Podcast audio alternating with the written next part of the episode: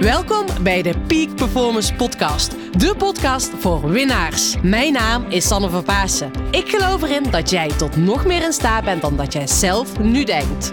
In deze podcast interview ik inspirerende gasten en geef ik tips om structureel topprestaties te leveren. Hiervoor heb je een hoge energie nodig, die je met toewijding doelgericht inzet. Niet als een eendagsvlieg, maar juist keer op keer. En dat vraagt durf en lef. Wil jij met een energieboost en vol inspiratie je dag vervolgen? Blijf dan vooral verder luisteren. Come on and move your body now and feel the energy of life. Fijn dat je er vandaag weer bent. Fijn dat ik je mag welkom heten in deze nieuwe podcastaflevering. Soms heb je het gevoel dat je mensen mist waarmee je omgaat. En dit keer vind ik het wel heel erg tof dat jij gaat luisteren naar een interview met Bobby Traxel. Want Bobby is mijn maatje bij Eurosport. En als je nog niet wist, ik ben eh, commentator bij Eurosport. Waarbij ik in de winterperiode de eh, wedstrijden van de vrouwenveldrijden doe verslaan. En dat doe ik altijd samen met Bobby. En nou, je kan je voorstellen, het is nu dus eh, zomer. Of zomer. Nou ja, bijna zomer. Het is in ieder geval voor mijn gevoel zomer, omdat het zomer weer is. Dus Bobby en ik hebben elkaar al lange periode niet gezien. En daarom was het eindelijk eens tijd dat ik Bobby ging interviewen voor deze podcast. Dus ga luisteren. En Bobby is ook een ex-topsporter. En hij gaat ons meenemen hoe hij het dagelijks leven als topsport ziet. En super inspirerend. Ook zijn zienswijze. Hoe je juist in deze periode kansen pakt. Ook als ondernemer, want daar heeft Bobby natuurlijk ook mee te maken. Want Bobby is ook ondernemer. Dus ga luisteren, maar vooral laat je inspireren. En wat natuurlijk ook heel erg belangrijk is om te vertellen, en daar ben ik zo blij om. Ik heb vandaag mijn kopij ontvangen. De kopij van mijn boek. Eh, het is net vormgegeven en echt 1 juli komt dichterbij. Dan ligt het boek, mijn boek Het Leven, is pas topsport in de winkel. En ik ben nu dus echt met de laatste, laatste loodjes bezig. En ik vind het zo waanzinnig tof. Wow, ik heb gewoon al 200 boeken verkocht. Dat vind ik echt waanzinnig dat je in de voorverkoop, zonder dat er een boek is, dat mensen uitspreken. Yes, Sanne, ik wil je boek. Dus mocht je nu zoiets hebben van Sanne, ik wil je boek. Ik ga je gewoon tijdens de laatste loodjes supporteren. Zou ik het heel tof vinden als je mijn boek alvast pre-ordert. Dat kan heel makkelijk. Ga even naar mijn site, uh, sanneverpaasen.nl slash boek. En dan, uh, ik zal hier ook een linkje onder neerzetten. En dat vind ik gewoon geweldig als je nu mij nu alvast gaat supporteren. En echt, het boek, ik heb ondertussen een aantal meelezers. Dat gaat voor jou echt verschil maken, want ik help je jou om nog meer zakelijk te winnen zonder privé te verliezen. Nou, ik zou zeggen, um, ga luisteren naar dit mooie interview. En um, wat ook nog slim, fijn is om te weten, volgende week komt er ook nog een podcast met Paul Herregers uh, En Paul is onze uh, Belgische collega. Uh, hij uh, is de commentator bij Sporza. Dus ik vind het wel leuk dat ik twee commentatoren hier op de podcast heb. Paul is ook wereldkampioen veldrijden. Dus kom volgende week zeker terug om het interview met Paul te horen. Nou, veel luisterplezier en dankjewel dat je er bent. Luisteraar, tof dat je er weer bent. En vandaag heb ik een hele speciale gast. En eigenlijk moet ik wel zeggen dat ik het wel weer leuk vind. Want Bobby en ik hebben elkaar ondertussen even gemist. Hè? Want Bobby is mijn co-commentator of commentator om mijn... Ja, hoe noem je dat eigenlijk? Bij Eurosport, Bobby. Ja, eigenlijk gewoon het gouden duo. Oh, het gouden duo. Ja, wij zijn het gouden duo. Ja, laten we ons zo maar noemen. Het gouden duo. Maar dat vind ik dus wel heel erg tof dat Bobby en ik elkaar nu weer spreken. Helaas niet live, maar wel online gaan we een hele mooie podcast opnemen. Tof dat je hier in de Peak Performance podcast aanwezig bent, Bobby. Ja, leuk, dankjewel. Ik, uh, ik keek er eigenlijk al heel erg lang naar uit. We werken nu alweer, uh, geloof ik, twee winters samen ja. met het uh, verslag voor Eurosport voor de, de dames cyclocrosswedstrijden. En ja, ik, het was gewoon al twee jaar hopen dat ik eindelijk eens een keer gevraagd werd. En uiteindelijk duurde het gewoon echt veel te lang. Maar ja, beter later dan nooit, zou ik maar zeggen. Schaam, schaam, schaam, schaam. Ja, ja. Maar je en bent terecht. Er. Je bent er, je bent er, Bobby. Dankjewel. Je hebt ook even geduld moeten hebben, want we hadden al een afspraak gepland. En toen schreef ik je van, joh Bobby, ik moet even mijn boek afronden. En dan ben ik er. En mijn boek is afgerond. Dus daarom, tof dat je hier bent. Bobby, als eerste is mijn vraag eigenlijk aan jou. Van, joh, als je nu eens even ons meeneemt en een stukje terugkijkt op je leven. Van wat is jouw misschien wel je hoogtepunt en je dieptepunt waar je het meest van hebt geleerd? Goh, ehm, het hoogtepunt, ja, nou, dat, dat klinkt misschien een beetje ouderwets, maar eh, dat is toch eigenlijk het ontstaan van mijn gezin. Eh, ja, dat, eh, dat, ja dat, dat vind ik een hoogtepunt en daar ben ik super trots op dat wij ja, op dit moment gewoon lekker gezellig hebben en met elkaar leuke dingen kunnen doen en eigenlijk alles hebben wat we nodig hebben. Ja. Dus dat is eigenlijk wel het hoogtepunt. En wat ik daarvan geleerd heb, is misschien iets wat ik had moeten weten voordat ik wielrenner was. Want ik ben eigenlijk redelijk ehm, sociaal. En als topsporter moet je eigenlijk best wel egoïstisch zijn. En dat vind ik Mhm. eigenlijk asociaal. Mhm. Ehm, en wat ik eigenlijk in de loop van die periodes heb geleerd, en dat heb ik zeker heb geleerd, is van ja, het draait eigenlijk alleen om je gezinnetje, in mijn geval. Dus niet alleen om alleen jou, maar in je gezinnetje en het naaste vrienden en familie die je hebt. Want dat, dat zijn de mensen die voor je klaarstaan op het moment dat het niet goed gaat. Mhm. Ehm, dus ja, dat is eigenlijk iets wat ik heb geleerd van het, van, van het goede. Ehm, van het meest negatieve is dat ik wel eens een keer. ehm, ik, ik, ik heb Kuurne Kuurne, dat is eigenlijk de grootste wedstrijd als wielrenner die ik heb gewonnen.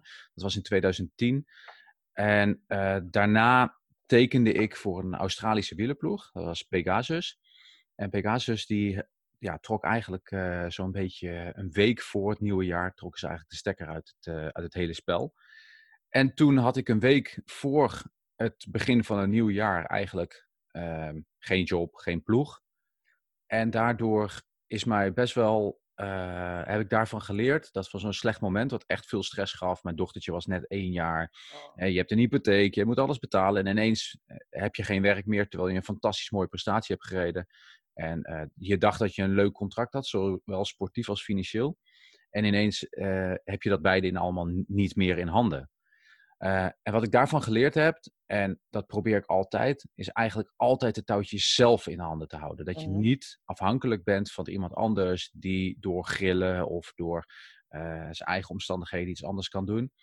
En zo probeer ik eigenlijk dus eh, in mijn leven eigenlijk de touwtjes in eigen handen te houden. Dat is eigenlijk wel een hele mooie, want je zegt eigenlijk dus twee dingen. Hè? Dat je aan de ene kant ook wel hebt geleerd dat je meer egoïstisch mag zijn. En ik kan me helemaal voorstellen dat egoïstisch niet echt prettig klinkt. Hè? Maar ik zei vroeger Ja. altijd van, eh, weet je, het is niet egoïstisch. Ik zorg gewoon goed voor mezelf. Ja, en ik, eh, het is niet echt eh, egoïstisch, is inderdaad niet, misschien niet de goede eh, bewoording van wat ik bedoel. Ehm, wat ik eigenlijk bedoel te zeggen is, het, eh, als, als er eh, dingen aan de hand zijn, en dat kan positief of negatief zijn, maar dat je dan gewoon met je eigen gezin Mhm. het weet op te knappen en weet hoe je het in elkaar moet steken. Mhm. Ehm, en dat je je realiseert dat je het ook samen moet gaan, gaan redden. En, eh, dat zeg ik ook vaak tegen mijn kinderen, weet je wel. Ze maken natuurlijk af en toe eens ruzie met elkaar. Een jongetje en een meisje. En dan, die zitten met elkaar natuurlijk helemaal... Ze, ze komen er nooit uit wat ze op Netflix willen zien, bij wijze van spreken. En dan zeg ik, wa- wacht nou even. Ik zeg, proberen jullie nou met elkaar dit goed uit te vechten? Want jullie zullen er altijd voor elkaar moeten zijn als broer en zus. Oh. En, en dat bedoel ik eigenlijk. Dus het is eigenlijk niet egoïsme, egoïsme dat er juist één aan zichzelf denkt. Ja. Maar juist het feit van ja, wij met ons cultuurtje moeten het zien te redden. Ja. Wat er ook buiten gebeurt. Hè, en we hebben het nu over corona in deze periode en allemaal dat soort zaken. En juist van ja, wij moeten het zien te stellen. ja. Ja, en dat, dat is wel een soort van egoïsme, omdat je niet naar de buitenwereld kijkt op dat moment. Maar zo zie ik het eigenlijk niet hoor. Nee, maar het, is- het, het vooral samen goed hebben en het zorgen dat je het samen goed regelt. Want dat is ook eh, samen met wat je net zegt, het laatste van zelf die touwtjes in handen hebben, dat je zelf die regie pakt. En Ja. hoe doe je dat? Hè? Want een stukje die zelf de regie pakken. Hè? Je- Eerst was je afhankelijk, of je was toen dus destijds afhankelijk van die ploeg, die trekt de stekker eruit. Ehm, en hoe doe je dat nu? Dat je die regie blijft behouden? Nou, kijk, eh, vooral, ehm, ik, ik ben een wielrenner. En eh, jij, jij ook. En je weet zelf, als wielrenner bepaal je eigenlijk stiekem toch een klein beetje je eigen programma. Wat je Ja. qua wedstrijden gaat doen, hoe je je training invult. En natuurlijk heb je daar hulp bij van een trainer of een ploegleider. Maar uiteindelijk bepaal je nog wel zelf hoe je je leven indeelt. Hè? Of, Ja. of jij altijd om negen uur s morgens gaat eh, beginnen met trainen, of om tien uur, of je doet het om zeven uur, of om twaalf uur. Eigenlijk bepaal je dat allemaal zelf. En dan is het heel lastig om ehm, in een regime van een werkgever te komen, denk ik.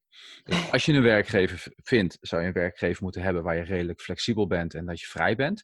En het vertrouwen van de werkgever hebt dat je, ehm, eh, dat je de vrijheid nodig hebt, maar dat je wel gewoon als een wielrenner gewoon keihard kan werken. Met een doel, eh, met een visie en soms gewoon daardoor eh, andere momenten aan de slag gaat. En dat je heus wel je ding doet, want dat moet je als wielrenner. En dat is eigenlijk wat ik ook gewoon nu doe. Ik, ik ben gewoon zelfstandig, heb eh, meerdere opdrachten, eh, probeer ook zelf wat dingetjes uit de grond te trappen.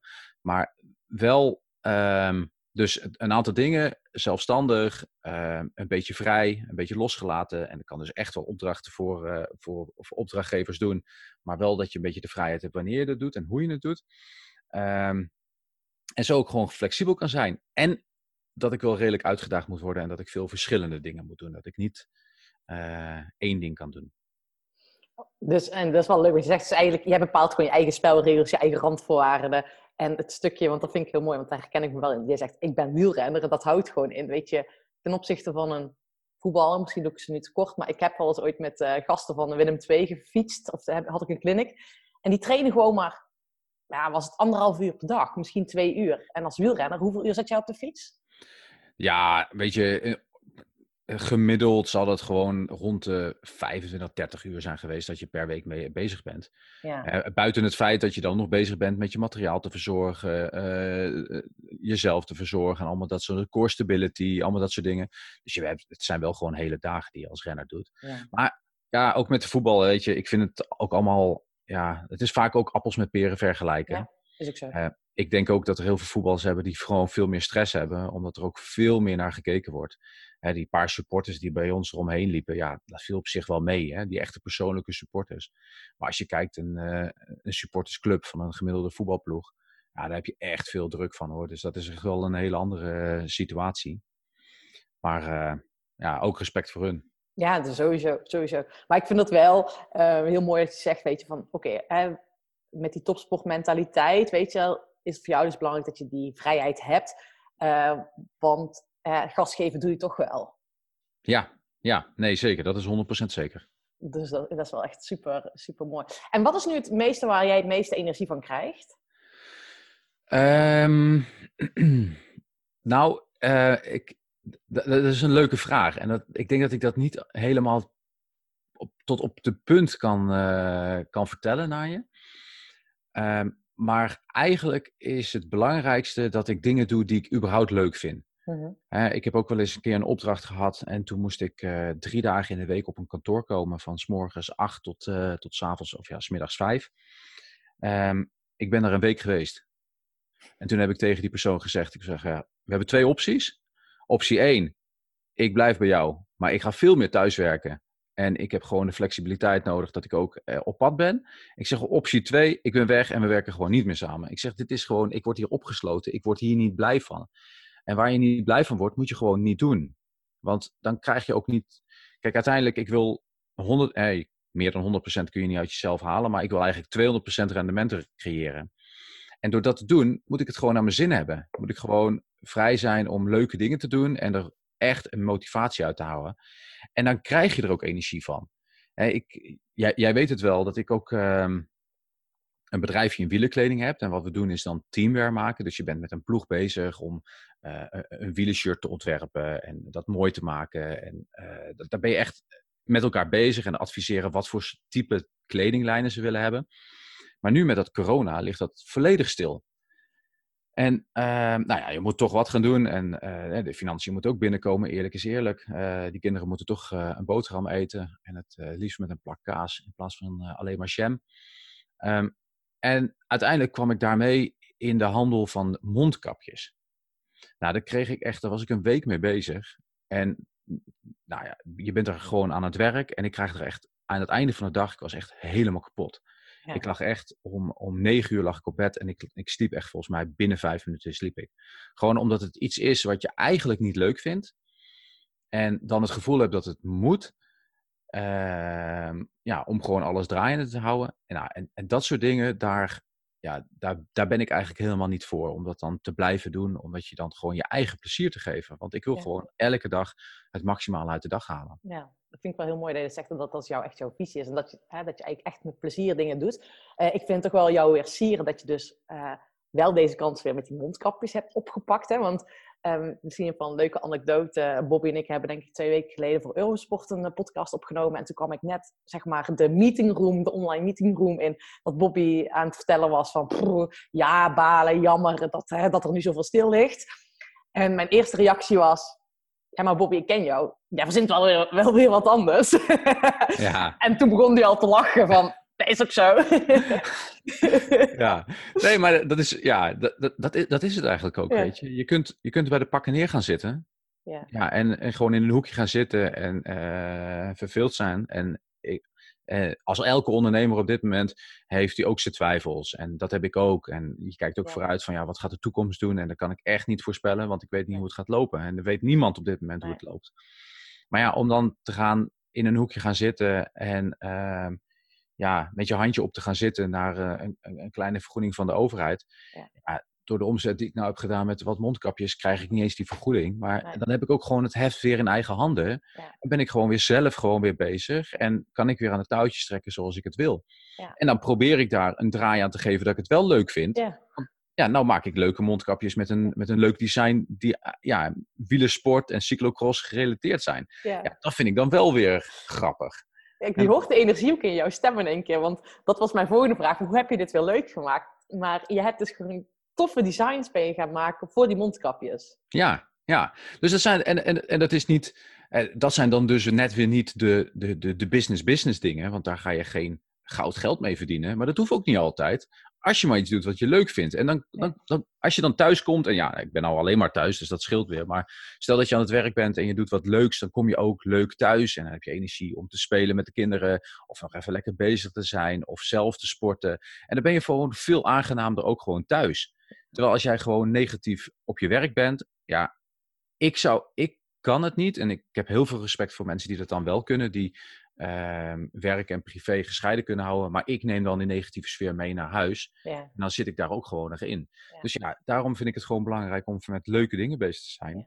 En met leuke mensen, want dat is ook wel, dingetje. En ja, nee, ja, dat, ja, als je met een, een- een saai iemand eh, bezig bent en eh, die altijd negatief is, Ja. Ja, dat is ook. Eh, daar heb ik nog wel een leuke anekdote over, over dat negativiteit. Ehm, nou ja, zoals dat ik al net al verteld heb, en voor de mensen die het weten, dat ik dus Kuurne in 2010 gewonnen had. Dat was echt super slecht weer.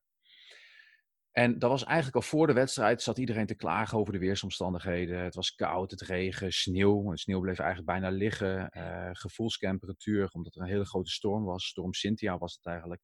Iedereen had het dit jaar over dat er dit jaar voor het eerst namen werden gegeven aan stormen. Maar dat was in 2010 dus eigenlijk al.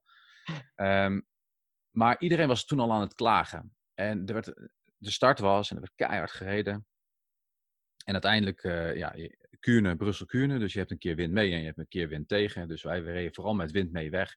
Eh, snelheden van 50, 55 km per uur. En op een gegeven moment kom je dan bij het verste punt.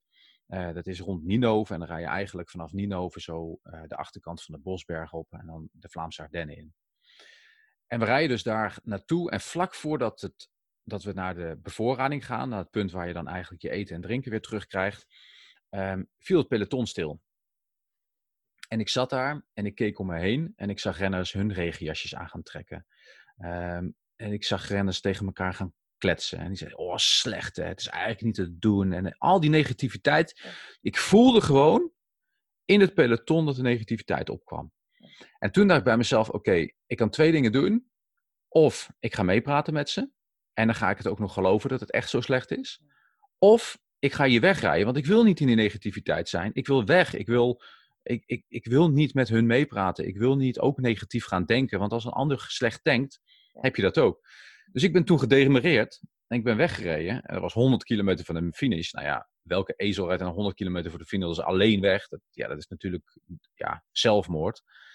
Maar ik ben daar weggereden. En uiteindelijk zijn er van die groep waar ik toen nog in zat van 150 of 175 renners, zijn er uiteindelijk maar 27 gefinished. 27. Ja, omdat hun toch allemaal tegen elkaar zo negatief hebben zitten praten. En het was ook slecht, dat klopt. Ja. Maar probeer er dan in ieder geval het beste van te maken. En Ja. probeer dan wat harder te rijden. Dan hou je het warm. En eh, dan ben je in ieder geval met de koers bezig. En als je harder rijdt, ben je ook sneller aan de finish. Ja. Dus ik bedoel maar te zeggen, hè, van negativiteit, en dat bedoel ik ook met de juiste mensen omgaan, is als je met leuke, inspirerende, gezellige mensen op pad bent, dan, ja, dan, dan gaat het allemaal ook veel makkelijker dan als er altijd. Als er, er hoeft er maar eentje tussen te zitten die negatief is. En ja, het is gewoon eh, om zeep. Maar dat is wel heel cool, want dit is natuurlijk het, gewoon het verschil. Hè, van, ga je, hè, laat jezelf meezuigen of neem je de regie? Je hebt de regie gepakt. Ben je naar 100 kilometer voorop gebleven? Ja, ik heb dus eh 50 kilometer alleen gereden. En toen eh, kreeg ik twee ploeg, of nee, twee ploeggenoten niet, twee kameraden erbij, zeg maar. Eh, Rick Flens toen de tijd van Rabobank. Oh ik reed voor ja. vakantielei. Ja. En Ian Stannard van Team Sky. En toen zijn we met z'n drieën naar de finish gereden. Oh, super vet. Oh, dat is echt heel vet. Oh, dat is wel echt... Maar dat is wel heel mooi, want wat je dus nu zegt, dat is natuurlijk wat er nu ook heel veel gebeurt. Heel veel mensen zijn er negatief. En ehm, ik merkte dat gisteren nog, ik eh, had- moederdag gevierd. Wij hebben een gezin, we zijn met eh, vier meiden thuis en iedereen was daar. Ehm, en op een gegeven moment, het ging alleen maar over het, het, het onderwerp corona op dit moment. En ik zat er echt zo van, klaar jongens, klaar, weet je wel. Kappen ermee, kappen ermee. En ik had het daarna nog met mijn vriend over. Ik zei, ik ben er gewoon helemaal klaar mee. Iedereen praat er alleen maar over. En hij zegt, maar San, dat is het thema van nu. Dus je kan er niet omheen. Dus ik vind dat wel, merk ik zelf ook al, dat ik af en toe in, hè, van, in aan balanceren ben. Van ja, eh, het gaat erover voor nu, maar toch die positiviteit opzoeken. En hoe ga jij daarmee om? Nou ja, ik, kijk, uiteindelijk, ja, het, niet spreken over corona in deze tijd, dat is eigenlijk onmogelijk. Want het is gewoon iets wat de hele wereld Ja, en, en iedereen bezighoudt. En eh, nou, net als jij ben ik ook ondernemer. En er zijn er heel veel ondernemers die best wel bang zijn van wat gaat er gebeuren. Ik zeg elke keer ook maar van ja, als er een aardbeving is, dan eh, ruimen we met z'n allen de rotzooi op, bouwen we het terug op. En drie maanden later zijn we weer gewoon normaal bezig en zijn we weer aan het werk. Alleen, we weten niet hoe lang het gaat duren. Nee. Hè, en hoe gaan de beperkingen zijn? Komt Ja. er nog een tweede golf of een derde? Wanneer gaan er antistoffen zijn? Wanneer... Ja. We, we weten het allemaal niet. Dus het is echt iets wat ons allemaal, allemaal bezighoudt. En Ja. ook ik, met, met heel veel andere ondernemers en bedrijven, maak je ook wel eens zorgen. Van, hè, van ja, hoe gaat het lopen? Maar uiteindelijk ja, probeer ik er inderdaad ook het beste van te maken. Dus ik ben ook veel thuis. Of nee, alleen maar thuis. Eigenlijk kom ik nergens. Ik, eh, ik, ik kreeg van de week op mijn iPhone eigenlijk zo'n berichtje na, na een maand. En dan kreeg je een berichtje, afgelopen maand bent u op één plaats geweest. Ik zei, oh, shit. Oké, weet je, dat zegt genoeg over hetgeen waar ik naartoe ga. Wanneer ik normaal minstens 5000 kilometer eh, per week in de auto zit. Ehm, dus ja, dat, dus dat zegt een hoop eh, over mijn, eh, mijn thuissituatie op dit moment. Maar ja, we maken het thuis gewoon het beste van. We, Ja. zijn, we proberen met elkaar, hè, de kinderen natuurlijk, ze zijn dan weer naar school, maar ook maar twee dagen, maar ook gewoon hè, proberen dingen te leren, eh, te sporten. We zijn met elkaar eten aan het koken, we zijn goedkoper, of goedkoper, goed, go- beter aan het eten. Eh, we zijn een beetje vegan, we zijn gewoon wat dingetjes aan het, aan het, aan het proberen met elkaar. En je bent Eh, afgevallen. en ik ben inderdaad daarmee afgevallen. Dus dat is toch wel eens een keer. eh, Nee, maar het is, je, moet, je moet het beste van maken. Ja. En daar kun je allemaal heel negatief over nadenken. Ehm, eh, buiten de zorgen hoe dit allemaal gaat verder lopen. En hoe het met de, met de bedrijven gaat. En allemaal dat soort zaken. En hoe het financiële wereld eruit gaat zien. Ook voor mezelf. En voor Ja. ons gezin natuurlijk. Eh, waar ik me echt nog wel ja, over denk. En dat mag ook. En dat mag je ook, mag je ook zeggen. Moet ik ook zeggen dat het misschien wel de beste periode uit mijn gezinsleven is. Met mijn vrouw en mijn kinderen thuis. Ja. Eh, want we hebben het super gezellig. Ja. En we zijn echt weer, eh, want we waren al een close gezin, maar we zijn nog dichter naar elkaar toegegroeid. Eh mijn dochtertje heeft echt een gigantische ontwikkeling meegemaakt. Met hoe ze, hoe ze erin staat. Dat is een, een jonge tiener. Nou ja, dan, Ja. dan weet je het eigenlijk al wel. Ja. Ehm, maar die echt super lief, goed meehelpen. Heeft zelf nu erachter gekomen dat ze dus door een beetje proberen met voedingsmiddelen erachter gekomen dat ze dus glutenallergie heeft. Oh, Een soort van intolerantie ervan heeft. Moeten we nog verder gaan onderzoeken. Maar Ja. ja, doordat je dat soort dingen allemaal doet, komt ze er gewoon als jonge, jonge meid. En dat Ja. vind ik echt heel knap. Dat je daar zelf achter komt. Dus dat, ja, in dat opzicht ja, zie ik een hele positieve, positieve moed in hetgeen wat er allemaal gebeurt. ik merk dat zelf ook wel. Ik vind het wel heel vet ook dat je je kinderen zo dus echt, hè, dat je naar elkaar toe groeit en elkaar die verbinding meer met elkaar hebt.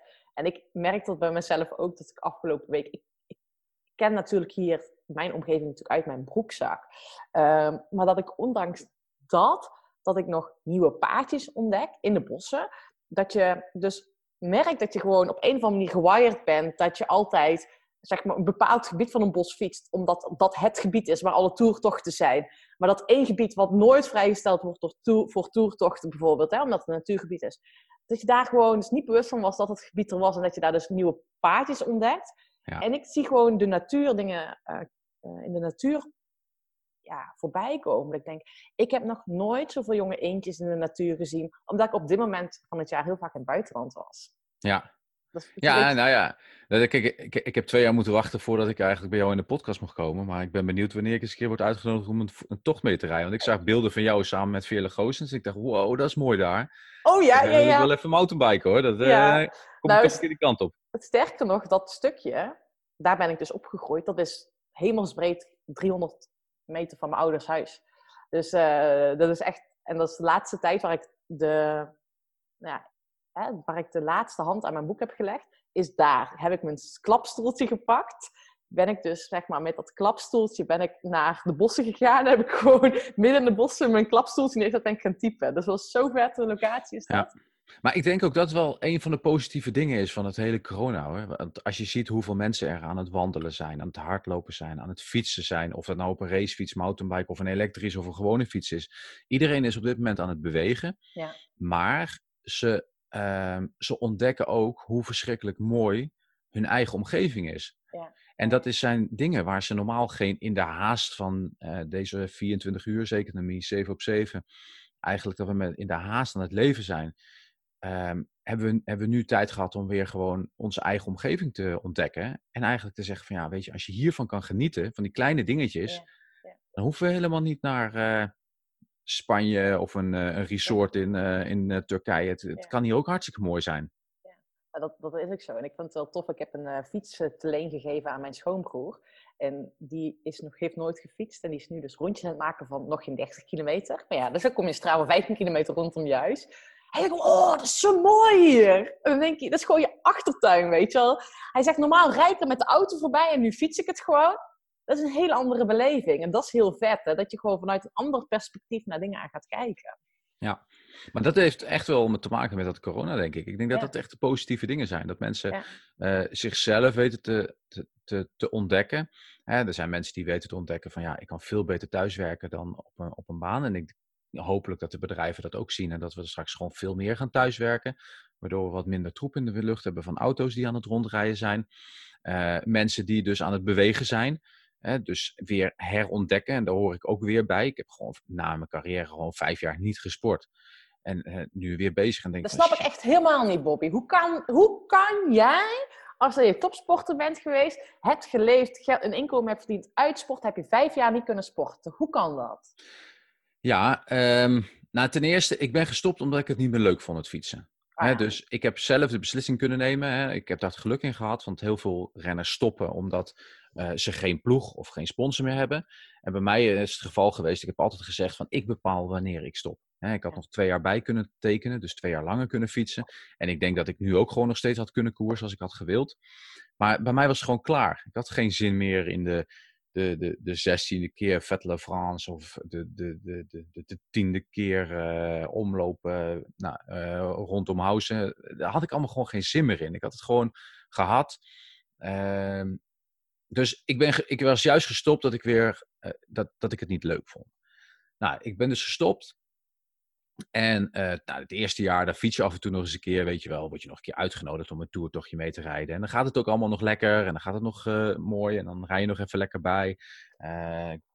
Nou, dus dan, dan fiets je gewoon nog lekker. Maar uiteindelijk, als je twee jaar gestopt bent omdat je het niet leuk vindt, ehm, ja, dan, wordt het, dan is het eigenlijk het fietsen ook niet meer leuk. Dus ik kreeg wel weer zin om te gaan fietsen. Maar dan was het afzien en dan deed het pijn. En dan denk ik bij mezelf, ja, moet ik mezelf nou pijn doen? En dan zei ik tegen mijn vrouw van, ja, ja ik moet echt wel weer gaan trainen. En dan zei mijn vrouw, die zei van, ja, trainen, eh, fietsen. Ah ja, oh ja, ja. Nou, dus die mentaliteit van ik moet nog trainen en dan met, met over de 30 gemiddeld thuiskomen en minimaal 100 kilometer gefietst hebben. En uiteindelijk heb ik dat dus niet gedaan. En dus anderhalf jaar geleden kreeg ik eigenlijk weer echt wel de zin om weer te gaan fietsen. Want uiteindelijk het wielrennen en het fietsen zit gewoon diep in mijn hart. En dat is gewoon Ja. een virus. Ja, daar ga je zeker geen antistoffen tegen vinden. Dat blijft gewoon in je lichaam. Ja, ehm, dus uiteindelijk is het toch hetgeen wat je wil doen, wat je leuk vindt. Alleen dan is het de balans zien te vinden van, oké, hoe ga je dat doen? Want je hebt een drukke baan. En eh, omdat je heel veel verschillende dingen doet, ben je vaak veel drukker dan als je gewoon één opdracht hebt of één baan hebt. Ehm, nou, dat heb ik met mijn gezin. En ik heb natuurlijk mijn gezin heb ik natuurlijk heel veel gemist tijdens mijn carrière. Heb ik niet veel mee kunnen doen, of met mijn familie. Dus daar wil ik ook veel meer tijd van maken. Ehm, en dat zijn allemaal afwegingen die je dan maakt. En dan als het zondag of zaterdagmorgen is, wanneer mijn gezin vrij is, ja, weet jij dat wij als commentatoren eigenlijk al heel vroeg de auto moeten pakken om eh, richting de studio te rijden, om je voor te bereiden, om je dingetjes te doen. En je hebt eigenlijk op zaterdag en zondagmorgen, wanneer het gezin met z'n allen thuis is, heb je Ja. misschien maar twee uurtjes. Hè, je wilt ook nog eens een keer uitslapen. Hè. De hele week ben je vroeg op. eh, sta je om half zeven, zeven uur sta je naast je bed. Ehm, en dan in het weekend, nou, dan wil ik toch wel tot acht uur even blijven liggen. En dan eigenlijk heel relaxed met z'n allen op het gemakje ontbijten. En dan maak je daar keuzes. En de keuze die ik toen heb gemaakt is: oké, ik wil die tijd die ik heb, wil ik met mijn gezin doorbrengen. En daardoor offer ik mijn vrije tijd om te sporten, offer ik daarvoor op. Ja. En dat is dus gewoon een, eh, een pure keuze. Alleen, ehm, ja, iedereen wordt ouder. En als je wat fitter bent, dan eh, wordt het ook wat makkelijker om het dan op een ander moment of toch nog wat eerder op te staan door de weeks. En dan je moment daarvoor, dat het eigenlijk het, eh, het hele leven weer begint weer op te pakken. Dus Ja. dat is eigenlijk de bereden, een beetje de reden. Alleen ja, ik hoop wel dat ik het eh, straks gewoon, eh, als alles weer normaal is, dat ik het wel vast kan houden. Ja, en dat zei je straks al voordat we de podcast aanzetten, dat je daar twijfelt of dat, hè, of in ieder geval ook met heel de wereld, of we weer niet in oude patronen gaan vallen. Maar het stukje, want je hebt, als topsporter heb je een bepaalde mindset. Dus helpt dat om, om dit misschien daar vol te houden? Helpt jouw topsportmindset vanuit vroeger eh, hierbij misschien wel? Ja, kijk, ik, ehm, ik denk het tegenovergestelde. Dus ik denk dus eigenlijk niet. Waarom niet? Ehm, als je een topsporter bent en je hebt een topsport mindset, wil je winnen. Ja. Alleen met het hardlopen en het fietsen wat ik nu doe, heb ik niks meer te winnen. Nee. Ik heb dat, dat, dat heb ik laten zien, eh, wat ik daarin kon op sportief technisch gebied. Dus ik weet wel dat ik het kan en ik heb het allemaal gekund. En zo goed als dat gaat het echt niet meer worden. Dat, eh, Nee, Ik word ook ouder en ik word ook zwaarder. En, eh, Nee, je wordt lichter. Oh ja, ik word nou weer lichter, maar ik werd al zwaarder. Eh, Ik ben al wat zwaarder geworden. Dus ik ga, nee, maar ik ga, ik ga al dues niet meer sneller oprijden dan dat ik ooit gedaan heb. Nee, ja. Nou, dan kan ik er naartoe gaan omdat ik er zes Ja. keer wil oprijden. Nou ja, dan ben je gewoon stapelgek als je er zes Ja, keer ja. op wil geven. Als ik geld wil geven aan het KWF, doe ik dat zo wel. Weet je wel? Dus mijn topsportmentaliteit, dat wil ik juist met mijn, met mijn verslag laten zien. Dat ik. Goed voorbereid ben, dat ik weet wat ik kan. eh, dat ik weet eh, dat, ik, dat je daar goed mee bezig bent. Dat ik wil laten zien dat ik het goed doe. Eh, maar ook met de zakelijke dingen. Dat ik wil, daar wil ik nu in vechten. Waardoor ik juist dat soort dingen aan de kant zet. Ja. Dus ik denk juist dat het gewoon weer ja, negatief gaat zijn. Ja, ja, maar ik zie het anders. Want ik heb hetzelfde, hè? weet je, die... ehm, gisteren was ik toevallig met mijn vriend aan het fietsen en hij heeft nu op dit moment een trainingsschema en hij moest vier uur fietsen. En dan echt vier uur. Hij, hij komt niet... Nou, dat deed ik vroeger ook. En ik was echt altijd schema. En nou, hij, zit dan, ik, hij zit dan, komt dan zo in mijn allergie dat ik denk, ja, eh, dat deed ik vroeger, weet je. Gaan we gewoon lekker fietsen. En als we dan toevallig vier uur fietsen, omdat het leuk is, prima. Maar niet omdat jij... Oh, je herkent dat misschien wel, hè. Hij moet keer dat... Ehm, maar ik wil natuurlijk ook gewoon scoren met mijn bedrijf. En da- daarin wil ik winnen, weet je. Met mijn boeklancering dadelijk. En met de klanten die ik begeleid, wil ik echt alles vergeven. Maar ik zie het juist zo, dat ik juist een fit lichaam nodig heb om zakelijk te kunnen presteren. Want als ik zelf fit ben en mezelf energiek voel, herstel ik snel, sneller, omdat mentaal, weet je wel, kost zakelijk scoren ook energie. En met een fit lichaam is dat vele malen makkelijker. Dus ik ben het gewoon anders gaan zien, dat juist om ook op andere fronten te presteren, daar heb je net als een topsporter vanuit vroeger, heb je dat fitte lichaam ervoor nodig. Alleen je hoeft dan niet altijd de beste en de snelste te zijn, maar je kan dus juist vanuit die ontspannen flow, qua sporten, kan je dus ook eh, daarin scoren. Ja, maar daar heb je helemaal gelijk in. Kijk, uiteindelijk, ik heb ook geen excuus. Je hebt geen excuus om, laten we zeggen, gewoon twee keer in de week te sporten. Dat, dat, ja, dat, dat, dat moet, zou toch de basis moeten zijn voor ons allemaal. En dan moet de motivatie inderdaad gewoon gezondheid zijn. Ja. Gewoon dat we gezond zijn. eh, ehm, vitaal blijven. eh, dat je in ieder geval, als je gaat fietsen, dat je je kinderen nog bij kunt houden, zolang het zo is. Weet je wel, eh, dat, dat zijn dat- natuurlijk, ik heb daar ook geen enkel, geen enkel excuus eh, voor om het niet te doen. Ja. Ehm, maar ja, daar, eh, ik, eh, ik, ik wacht tot jouw boek uit is, want ik hoop dat daar toch een hoop van te leren. Hey, ja, goed zo, goed zo. Nee, hoef je niet meer lang te wachten, Bobby. nee, precies. 1 juli ligt in de winkel. Kijk, Bobby, nog even nieuwsgierig. Eh, als het goed is, zitten wij in september weer samen bij Eurosport voor het veldrijden. Eind september, begin oktober. Ehm, hoe kijk jij daarnaar uit? Denk je, natuurlijk kijk je er naar uit om weer samen met mij in de studio te zitten. Dat snap ik natuurlijk als eerste, maar dat bedoel Ja. ik eigenlijk niet. en nu zit jij met een, eh, ja, ze zien het er niet, maar ik zie gewoon een pistool op mijn hoofd staan. Zo van, ja, dus ik moet ja zeggen. Nee, ja, nee, nee. ja, natuurlijk. nee, klopt. Ik heb er zin in. Ja, maar ik bedoel eigenlijk meer van... wat voor impact denk je dat dit op de cross heeft? Ondanks Ja, dat het nu nog minder rele- relevant is natuurlijk. Hè? Gigantisch. Ja, dit, dit eh, kijk, uiteindelijk. Ten eerste denk ik dat eh, er is nu een, een wegkalender. Hè. Ik doe ook het verslag voor het wiel, wegwielrennen en wat baanwedstrijden. Ehm, ten eerste denk ik dat een cyclocrosswedstrijd eerder door gaat vinden, plaatsvinden dan een wegwedstrijd. En waarom ik dat denk is dat een cyclocrosswedstrijd is over het algemeen volledig afgezet en dan moet je inkom betalen. Dus je kunt ook mensen tegenhouden. Hè, dus wanneer er normaal gesproken misschien 10.000, 15.000, in sommige gevallen misschien 20.000 man publiek is en misschien op een wereldkampioenschap veel meer, dat kun je nu beperken. Dus je kunt het controleerbaar houden. En dat is met een wegwedstrijd niet. Want je, het is op de openbare weg, mensen gaan er naartoe en ze staan daar. En dat, dat is heel moeilijk om dat te gaan organiseren. Dus ten eerste, ik denk dus dat de cyclocrossen redelijk snel doorgang kunnen hebben. Maar die inkomsten van de, de, ja, die inkomsten van de entree zijn cruciaal voor startgelden. Ja. Dus het kan heel goed zijn dat, en vooral dat zal de middengroep zijn, zoals dat in de maatschappij ook zit. ehm, de rijken en de beste zullen nog steeds hun geld kunnen krijgen, want ze hebben gewoon een Mathieu van der Poel en een Wout van Aert nodig. En bij de dames natuurlijk de toppers zoals Alvarado en Worst of Kant. Die, zijn, die, die zijn noodzakelijk. En eh, minder startgeld dan normaal, dan eh, bijvoorbeeld fictief, ik weet het niet eens, maar zeg 100 euro of 200 euro. Minder ga je ook niet kunnen krijgen. Maar er is dus een hele grote groep die daartussenin zit, tussen die toppers en tussen de, de, de, de minst betaalden, die normaal ook heel goed geld betaald krijgen. En die gaan echt niet hun geld krijgen. Die Ja. gaan echt maar blij moeten zijn met misschien ook maar die 100, 200 of 300 euro. Ja. Maar dat is dan maar zo, want uiteindelijk moeten ze blij zijn. Ze hebben hun sponsors, ze hebben hun contracten, ze zijn beroepsrenner, dus ze krijgen hun maandelijkse eh, geld verkund. Maar het gaat niet het beste jaar zijn. Net als wij als ondernemers het ook niet het beste jaar gaat zijn. Ja.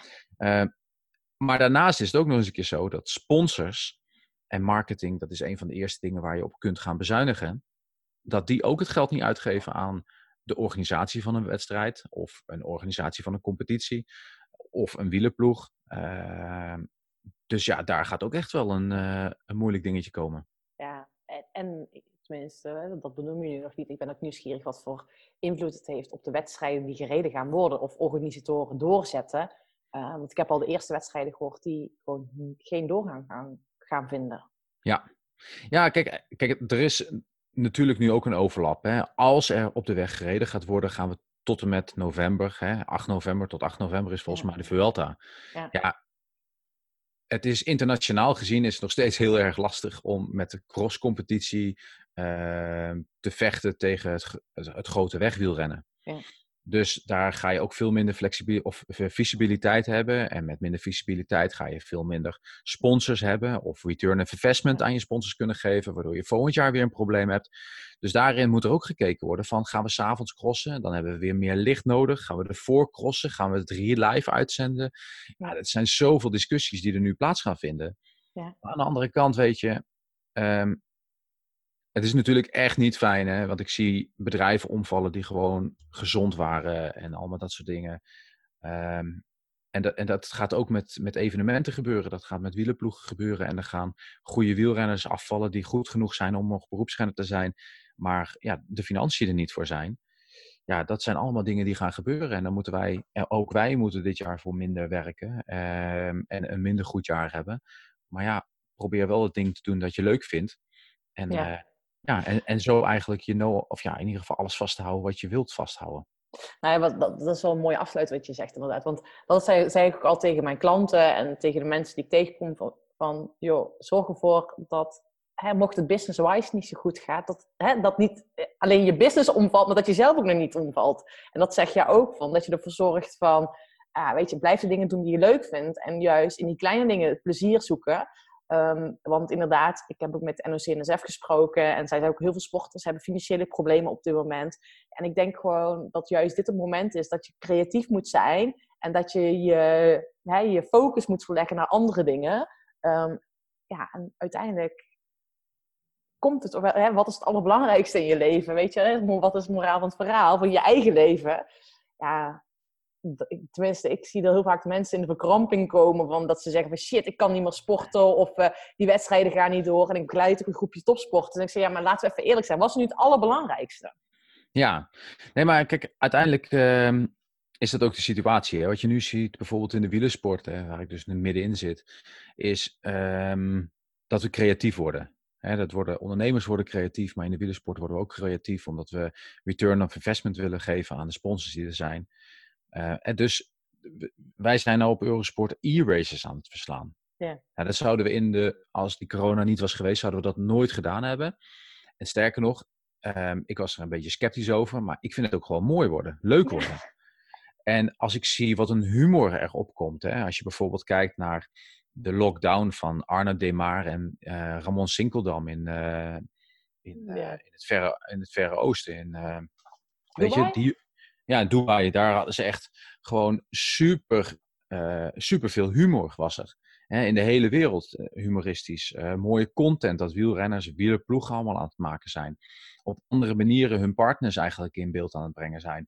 Dat zijn allemaal zaken dat echt een hele grote meerwaarde is voor de wielersport. Er liggen ideeën, en ik denk dat elk bedrijf dat nu wel heeft, als het wat minder snel gaat allemaal. Er lagen ideeën in kasten die er nooit uitkwamen en nu eruit worden gehaald en Ja. die ontwikkeld worden. Dat gebeurt bij wielerploegen ook op dit moment. Ehm, ze worden nog eens een keer realistisch hoe afhankelijk ze zijn van wielersponsors. Ehm, en misschien zijn ze daar nu ook aan het werk van, ja, hoe kunnen we dat nou een beetje omdraaien? Kijk, en, en dat is, als we dit allemaal kunnen behouden, straks in, nou, nou, misschien heel zwaar zetten in de nieuwe, een nieuwe wereld. Hè? Laten we het zomaar eens even heel zwaar ingooien. Waar straks gewoon veel meer thuisgewerkt wordt en waar we dit soort ja, leuke dingen die we toch als extra straks boven het wegwielrennen of de cyclocross krijgen, ja, is goud. Dat gaat Ja. gewoon goud zijn. Dat, gaat, eh, dat, dat, dat wordt gewoon fantastisch. Dus alleen het is te hopen dat we, daar, dat, we dat inderdaad echt blijven behouden. Ja, want dat zeg je al de hele tijd daarvan, dat je niet hè, in het oude patroon valt. Ja. Want inderdaad, Ja. nu ontstaan er heel veel dingen omdat we er anders geen tijd voor hadden. Nu gaan we het wel doen. En juist die dingen, die het, want ik zie bij heel veel van die dingen, dat vinden we gewoon leuker om te doen, of hè, vinden, geeft energie. Die zijn juist heel erg belangrijk dat die vol blijft houden. Ja, zeker. Ja, ja Dus- maar je- ziet het aan de natuur. Hè. Veel, veel meer in de natuur. eh, De lucht lijkt me schoner. eh, eh, De zon lijkt wel harder te schijnen dan normaal. En misschien is Ja. het allemaal aannames. En misschien zie ik het allemaal zo omdat ik er voorheen geen tijd voor had. Ja. Ik denk ook echt dat dat het gevoel is. En het is ook te hopen dat... Nou ja, als je kijkt, ik keek vanmorgen even voor de gein om acht uur... eh, half acht, acht uur, net voordat de kinderen naar school moest brengen, keek ik even op de app van hoeveel file er in Nederland stond. Ja. Er stond bijna geen file. Nee, ja, Dus weet je, het is te hopen dat we dat kunnen creëren. Dat betekent dat dat is goed voor het milieu. Ik denk dat het Ja. veel beter voor de mensen zelf is om veel minder stress in de auto, in de file te hebben. Als je ofwel op tijd gaat zijn of niet. En eh, agressie op de weg komt vaak door file, naar mijn mening. Ja. Ah, weet je, ja, we lijken nu wel heel filosofisch en eh, je zou eigenlijk amen erachter moeten zetten. Maar ja, het is wel iets wat ik hoop. En dat er een klein beetje verandering in is. Dat Ja. we een klein beetje van die negatieve dingen die we nu opnemen, positief om kunnen zetten en dat ook vast kunnen houden. Bobby, als wij dadelijk eh, in oktober weer samen in de studio zitten. eh, natuurlijk hebben we van tevoren een keer samen gefietst. Ehm, maar welke positieve, welke dingen heb jij dan, ben je dan vol blijven houden in de nieuwe wereld die je nu doet? Nou, dat is een hele goeie. Zouden wij nog samen in de studio komen zitten? Ja, Want uiteindelijk merk je nu ook dat, het, dat de technologie ineens zo verschrikkelijk snel gaat. Ja. Dat je eigenlijk eh, vanaf een, een totaal andere locatie verslag kan doen. Ik zou het En- wel relaxed vinden als we het gewoon vanuit huis kunnen doen. Het scheelt heel veel reistijd. Nee, maar dat zijn dus, dat zijn dus dingen dat, dat, Ja. dat dus wel in een, een versnelvaart is. Hè? Dat, daar werd al, al twee, drie jaar over gesproken dat die technologie er zou zijn. En nu is die er. Ja. Dus het kan allemaal wel als we er de tijd voor maken en daar ook de tijd voor hebben om dat te gaan. Of de, de, de, het, het moet om dat te gaan veranderen. Ja. Ja. dan kan het allemaal heel snel gaan. En dat is met dit ook. Want ja, ik geloof gewoon niet goed dat. eh, ja, ik, ik, ja, ik vertelde je het al. En jij wist het al wel. Ik doe gewoon 65.000 kilometer per jaar met mijn auto. Ja. Ja, dat is gewoon. Ja, ik weet het. Het is gewoon echt niet goed. Eh, maar mijn eh, openbaar vervoerroute is zo verschrikkelijk slecht. Dat, dat ik eigenlijk gedwongen word om met de auto te rijden. Ehm, alleen ik doe het ook gewoon niet graag. Nee. En ja, ik hoop dat je dat soort dingen, dat we dat met z'n allen straks door veel meer te kunnen thuiswerken. ehm, ja, dat je dat zou kunnen, kunnen oplossen. Ja. ja, zou mooi zijn. Als Dus ja. gewoon, eh, Dus, maar mijn minder- droom, eh, een een van de goede dingen is dus met jou niet in de studio te zitten. Dat komt lekker positief voor jou open, zeg. Jongen, jongen. Maar ik bedoel het dus heel erg goed eigenlijk. Sanne, we gaan niet meer samen in de studio zitten. Dat is klaar. Meer thuiswerken. Ja, en wat er nog meer? Want eh, hè, niet meer samen in de studio zitten is minder reistijd. Dus minder veel in de auto. Wat Ja, wil maar- nog meer volhouden? Ja, maar dat is dus, nou, eh, we hebben nog even terug te komen daarop, weet je. ehm, ik, het is ook eigenlijk hetgeen wat ik wel heel erg mis hoor. Mijn contact met de leuke, met de leuke collega's en, eh, en, gewoon even gezellig. En, want dat, dat mis ik ook wel hoor, dus dat moet Ja. ik ook wel zeggen. Dus die, die, die veer steek ik dan toch nog wel eventjes eh, bij jou erin. Maar, eh, maar nee, maar dat, dat, dat, dat, dat mis ik wel. Dus ik vind wel, ik hoop wel dat we dat wel aanhouden en dat we dan wel wat eh, socialer zo zijn met tegen elkaar zijn. En voor de rest, ja, eh, nou ja, laat ik mijn lijstje opstellen. Ehm, eh, nou ja, ik hoop iets meer thuis te kunnen werken. Eh, ik hoop.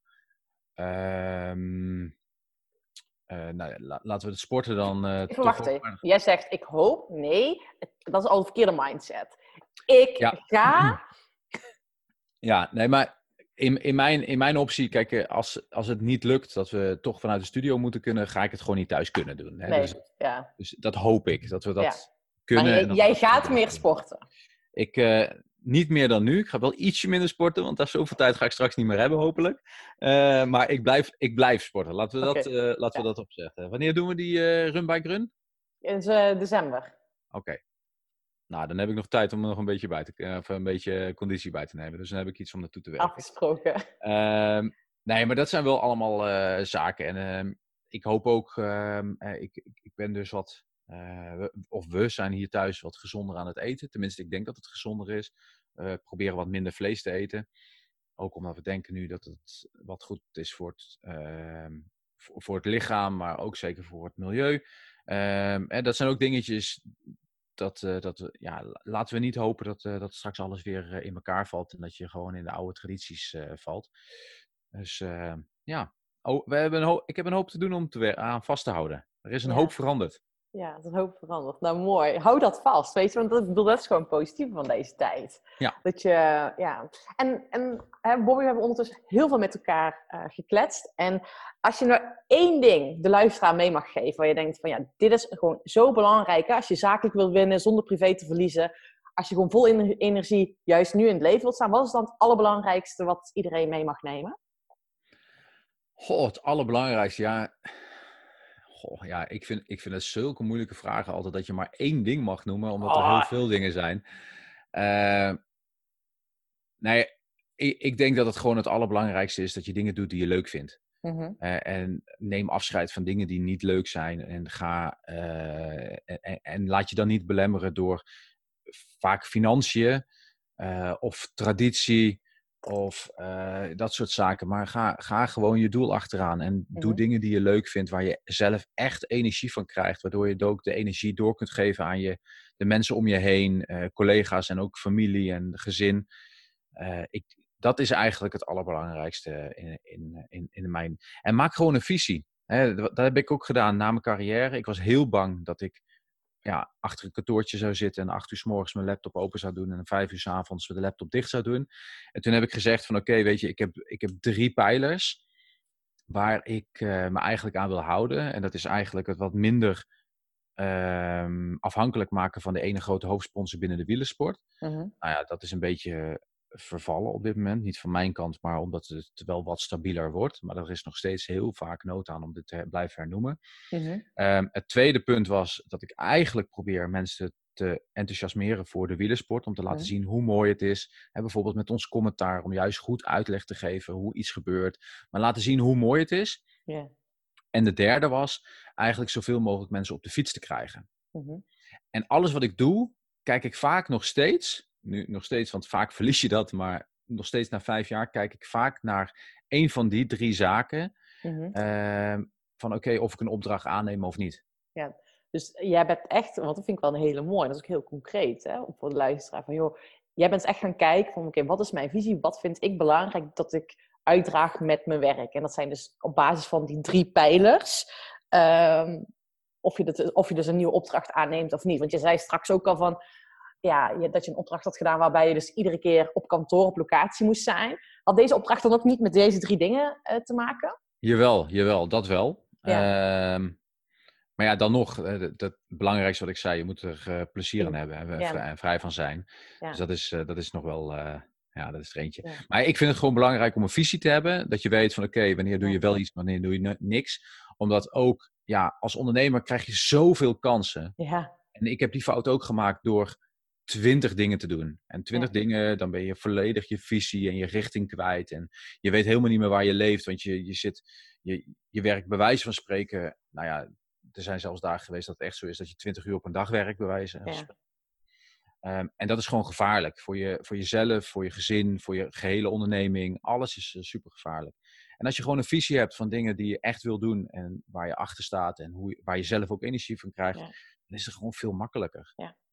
Het mooi. En ik, ik hang er altijd nog een soort van iets extra's aan, je visie, maar bepaal ook je eigen spelregels. En dat doe jij ook, want dat benoem je ook bewust. Maar van spelregel voor jou is van, ik wil niet eh, standaard op locatie zitten bij een bedrijf omdat het moet, maar ik wil die vrijheid hebben. Ja. En ik denk dat dat heel belangrijk is, van bepaal je eigen spelregels, je eigen kaders, van zo ben ik gelukkig. En als het daar niet binnen past, ik denk heel vaak dat het wel binnen past, maar dat wij vaak niet communiceren wat wij belangrijk vinden. Eh, en dan kan je in overleg gaan. Dus vaak gaan we maar in die waan van de dag door. Hè? Maar dat is, ik denk dat, dat, dat dit het moment is. Stel dat iemand luistert die dat niet heeft. Dit is echt het moment om dit te bespreken met, eh, met de mensen om je heen zakelijk. Want we hebben met het thuiswerk wat veel meer gehad. Dus als je op dit moment dit gaat bespreken, denk ik dat er veel meer ehm, eh, gehoor naar gegeven wordt. Ja, ik zou gewoon zeggen voor de luisteraar, bestel even mijn boek. Hè? Het leven, dat is pas topsport. Dan ontdek je hoe je die spelregels maakt. Heel goed. Nee, maar je doet het goed met de reclame er doorheen. Dat is echt, eh, daar ben je echt een held in. ja, en op het moment dat je dus nou met openbaar vervoer gaat reizen, moet je gewoon eventjes naar Bobby's website gaan voor die vette mondkapjes. Ja, precies. Zo werkt het dus. Eh, ja, dat, eh dankjewel, dankjewel. dat doen we weer leuk. Hey Bobby, dankjewel voor dit mooie gesprek. ja, leuk. En ik, ik vind het leuk om je weer eh, gesproken te hebben. En eh, jammer eh, dat het nog niet live is, maar nou, ik, weet, ik zou het ook wel tof vinden dat we als we zo het commentaar kunnen doen en dat we dan live samen gaan fietsen. Dat lijkt me een heel goed plan. Doen we. Ja, hey, dankjewel Bobby. Doei doei. Tik hem aan, box. Box.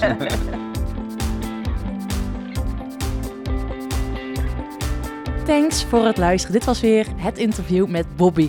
En ik heb echt genoten om samen met Bobby het gesprek aan te gaan. Ondanks dat, dat we elkaar niet live zagen, was het gewoon heel tof om Bobby eindelijk weer eens te spreken. En gaaf om te zien met wat voor mooie inzichten hij in deze podcast heeft gedeeld.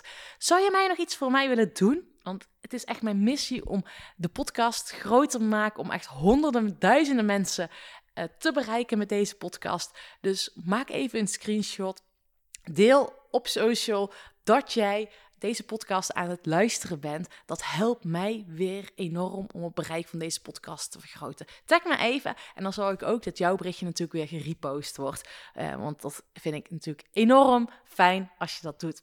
Dankjewel voor het luisteren en kom volgende week weer hier terug. Want dan staat er een eh, interview met Paul Herrijkers online. Of misschien luister je het later al. Check even de volgende podcast. Die is met Paul Herrijkers. Dat is wereldkampioen veldrijden. En hij is commentator bij sport. Een collega van mij. Thanks! Bedankt voor het luisteren van deze podcastaflevering. Ik vind het zo gaaf dat je tot het einde bent gebleven. Nou, daar wil ik je natuurlijk ook voor bedanken. Ik wil nog twee dingetjes meegeven. Ga naar mijn website toe. Daar heb ik een toffe weggever staan waarbij ik je help vol energie je doelen te realiseren. Moeiteloos, recht op de finish af en ik help je zakelijk winnen zonder privé te verliezen. Nou, ik zou zeggen, ga eventjes eh, naar mijn website en daar vind je deze gratis download en ik help je dus echt mee om recht op de finish af te gaan. En daarnaast wil ik je vragen, want het is mijn missie om nog meer mensen, om duizenden mensen te inspireren met deze podcastshow. Dus maak even een screenshot, deel het op social media, tag mij. Ja, en ik vind het dan ook weer leuk om jouw verhalen weer te delen. Dus deel mijn inzicht, of jouw inzichten van deze podcast en dan zie ik deze ook weer voorbij komen. Dankjewel, een hele fijne middag, avond of ochtend toegewenst. En vergeet één ding niet, kom in actie, want daarmee ga je het verschil maken. ブロイカモネ